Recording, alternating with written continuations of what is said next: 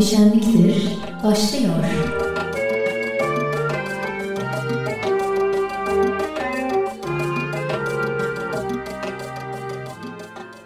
Merhaba sevgili sinema severler. Ortalama sinema beğenisine en çok hitap eden ve gelişmeleri, sonuçları, yankıları en çok merak edilen sinema konularından biri biliyorsunuz belki de birincisi sanırım akademi ödülleridir. Hangi filmin, yönetmenin, oyuncunun işte filmin ödül alacağının yanında ses, makyaj, müzik, animasyon, kostüm gibi dallarda da kimin başarılı olacağı aylar öncesinden tartışmaya başlanır. Her ne kadar bağımsız sinemadan yana olsam da Hollywood dışındaki filmlere daha yakın dursam da hiçbirimiz Oscar'a kayıtsız, ilgisiz kalmıyoruz. Geçen haftaki programda yabancı film Oscar'ı adayları hakkında bir bölüm hazırlamış ve seçilme şansı yüksek olan bazı filmler hakkında konuşmuştuk. Bugün en iyi film adayları arasında belirlediğim 20 filmin 10 tanesinden söz etmek istiyorum. Kalan 10 filmi de gelecek programda değerlendireceğim.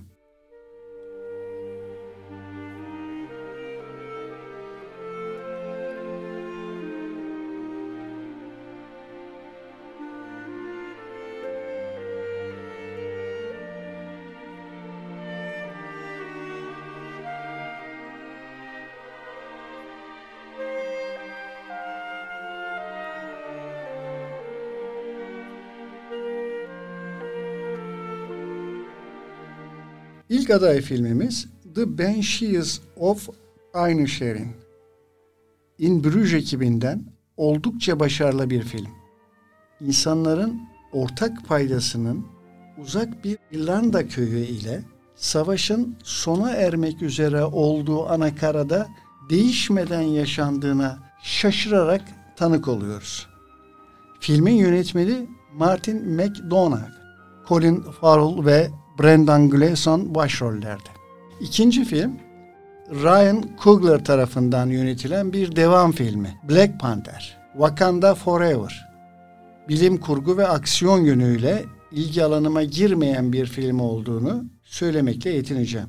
Dan Kwan ve Daniel Scheinert tarafından yönetilen üçüncü aday film Everything Everywhere All at Once bu film sıçrama tahtası ya da paralel evren benzetmeleriyle güncel sorunları ve buna karşı mücadeleyi anlatırken kişisel gücün altını çizen çok başarılı bir film.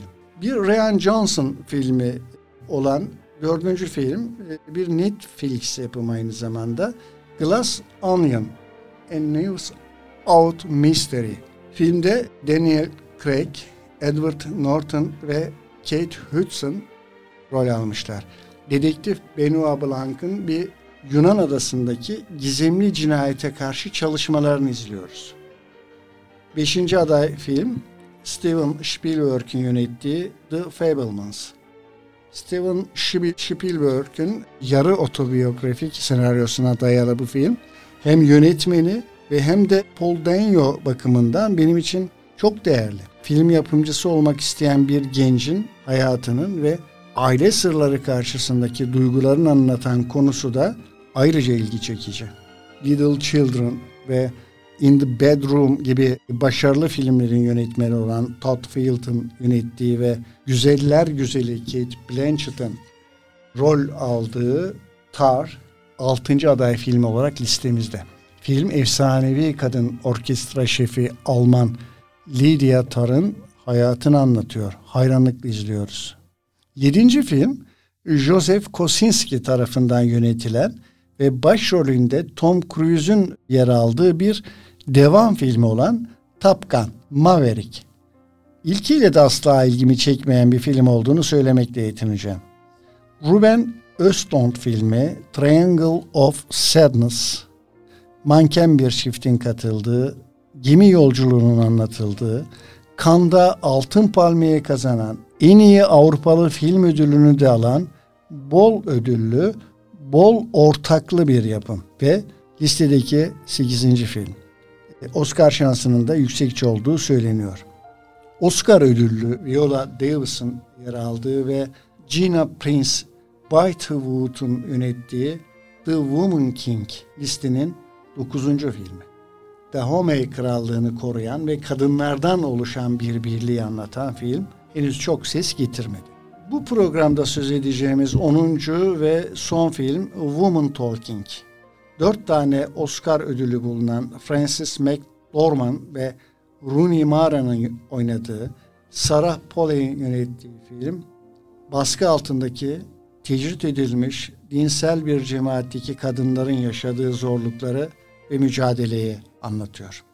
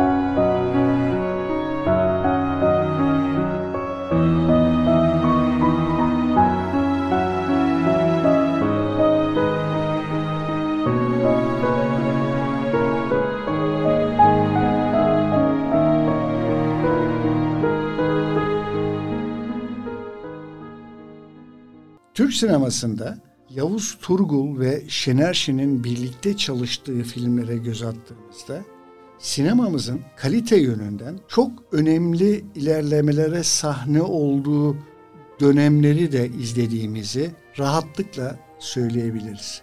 Musim Bey bu filmler arasında çok değerli bir yer tutar.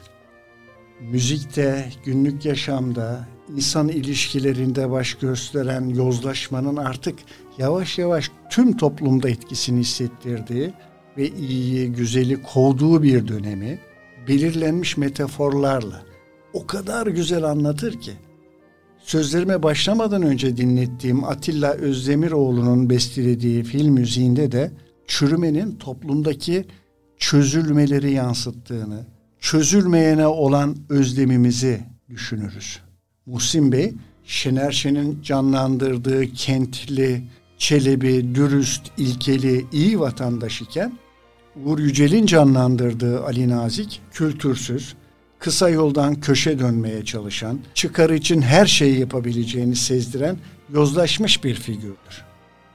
Filmin en güzel ve vurucu, bütün durumu özetleyen, kırılma noktasını betimleyen sahnesi çatı sahnesidir. İntihar etmek için elinde para kutusuyla çatıya çıkan Ali Nazik'i Muhsin Bey vazgeçirmeye çalışır.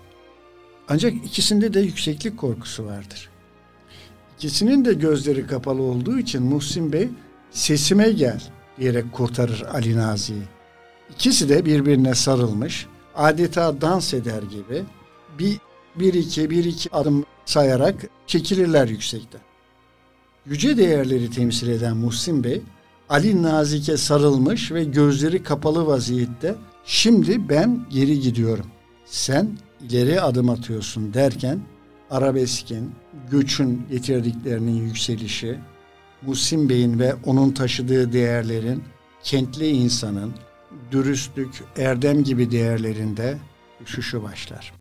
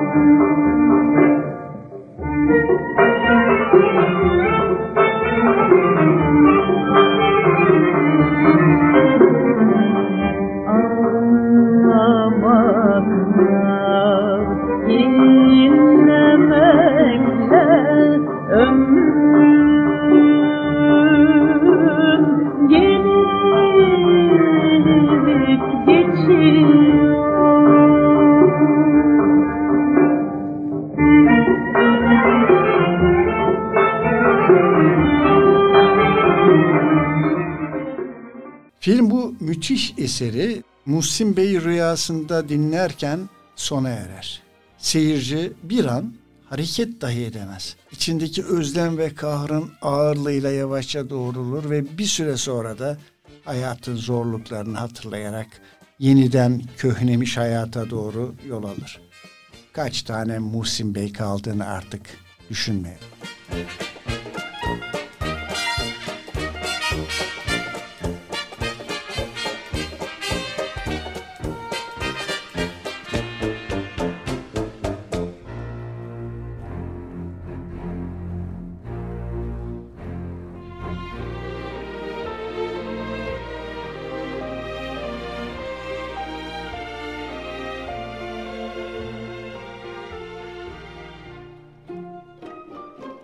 Bugün önereceğim kitap ülkemizde çok nadir olarak işlenen konulardan biri hakkında oldukça detaylı bilgiler veren inceleme türünde bir eser.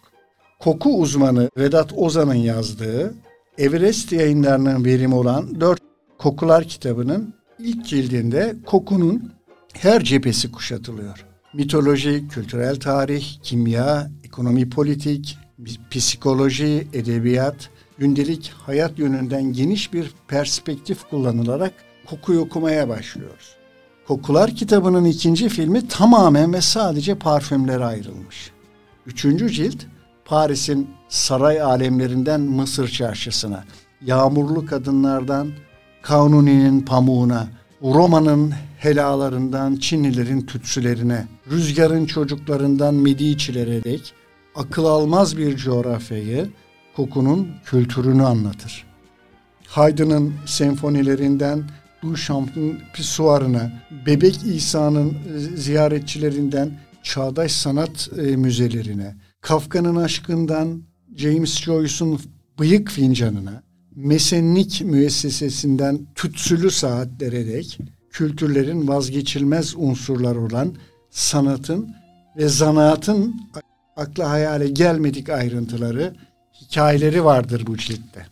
Son ciltte ise baharatlar, yemekler ve içeceklerin öyküleri ve varlıkların bu konularla olan ilişkileri anlatılıyor. Lezzet ve keyif garantilidir. İstediğiniz ciltten başlayabileceğiniz bu eseri mutlaka okuyun.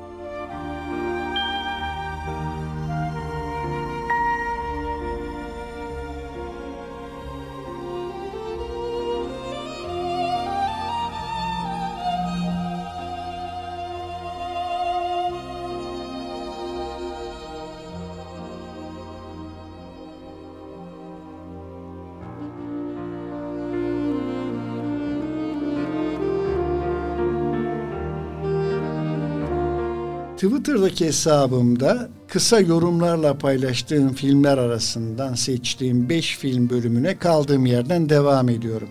İlk filmimiz Dünyanın En Mutlu Kızı adıyla e, Türkçeleştirilen, orijinal adı e, Sea Mai Felicita Fata Din Lume olan reklam ve promosyon alemine sıradan bir yaşamın içinde kurgulayarak dramla ironiyi iç içe anlatan, artık bir ekol haline gelen Romanya sinemasından ilginç bir örnek. İkinci filmde Monsieur Hulot 6 yıl önceden bizi güldürüyor. Sar, e, sarkan restoran sahneleri var e, ama bunun dışında su katılmamış bir Fransız komedisi olan Prime Time'ın e, yönetmeni tabii ki Jacques Tati.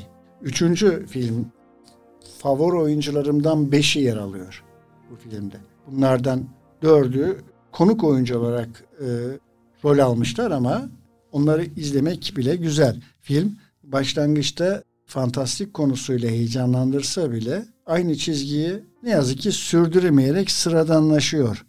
The Invention of Lying adlı bu filmin yönetmeni Ricky Gervais.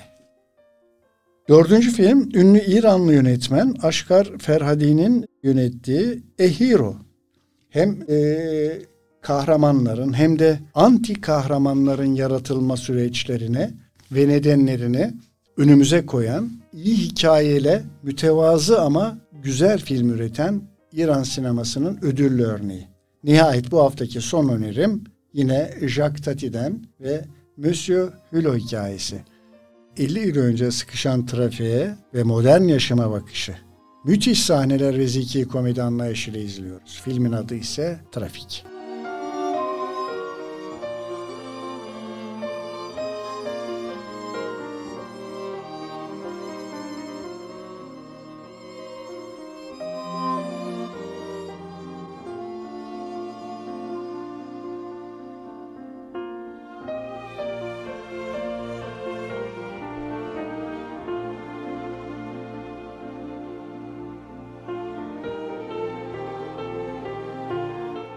Her hafta bu programda dünya sinemasından ve hatta sinema tarihinden çok değerli bir yönetmeni tanıtmaya, daha doğrusu kısa da olsa yad etmeye, onun bir filminden söz etmeye özen gösteriyorum.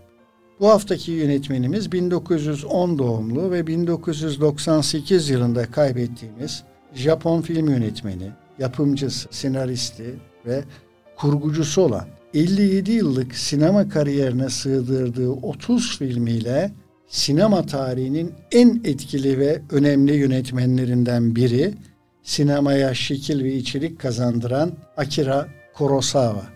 Kurosawa hakkında merak edilen her bilgiyi kaynaklardan ulaşmak mümkün. Burada e, yapılacak bir paylaşım malumun ilam olabileceğinden ben sadece öneride bulunmak ve ustanın bir filmini yorumlamakla yetineceğim. Kurosawa'nın otobiyografi diye nitelediği Kurbağa Yağı Satıcısı adlı kitabından söz etmek ve önermek istiyorum başlarken. Kurosawa bu kitabında hayatının başlıca dönüm noktalarını, onu sinemanın büyülü evrenine sokan ağabeyiyle ilişkisini, ilk ustası bildiği Yamamoto'dan öğrendiklerini, kurbanın ay, ayna kaplı bir kutuya konduğunda kendi görüntüsünü değişik açılardan seyrederken hayretler içinde salgıladığı sıvının bir söğüt dalıyla karıştırılarak kaynatılmasıyla elde edilen harika iksir kavramında diye tanımladığı sinemasını bir masal tadında anlatıyor. Kurosawa'nın en ünlü filmlerinden biri olan Rashomon'dan söz ederek bugünkü programı bitireceğim. Rashomon 1950 tarihli bir yol e, sonra e, düzenlenen Venedik Film Festivali'nde Altın Aslan ödülünü aldı.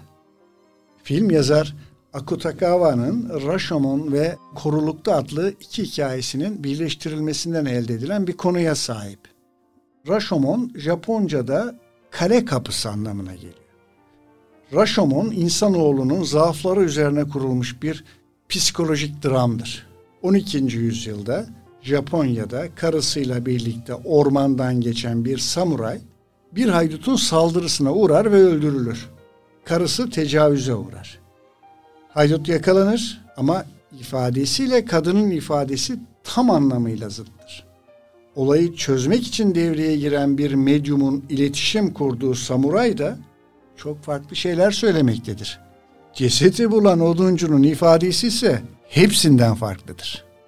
Sevgili sinema severler, hoşça ve sağlıcakla kalınız.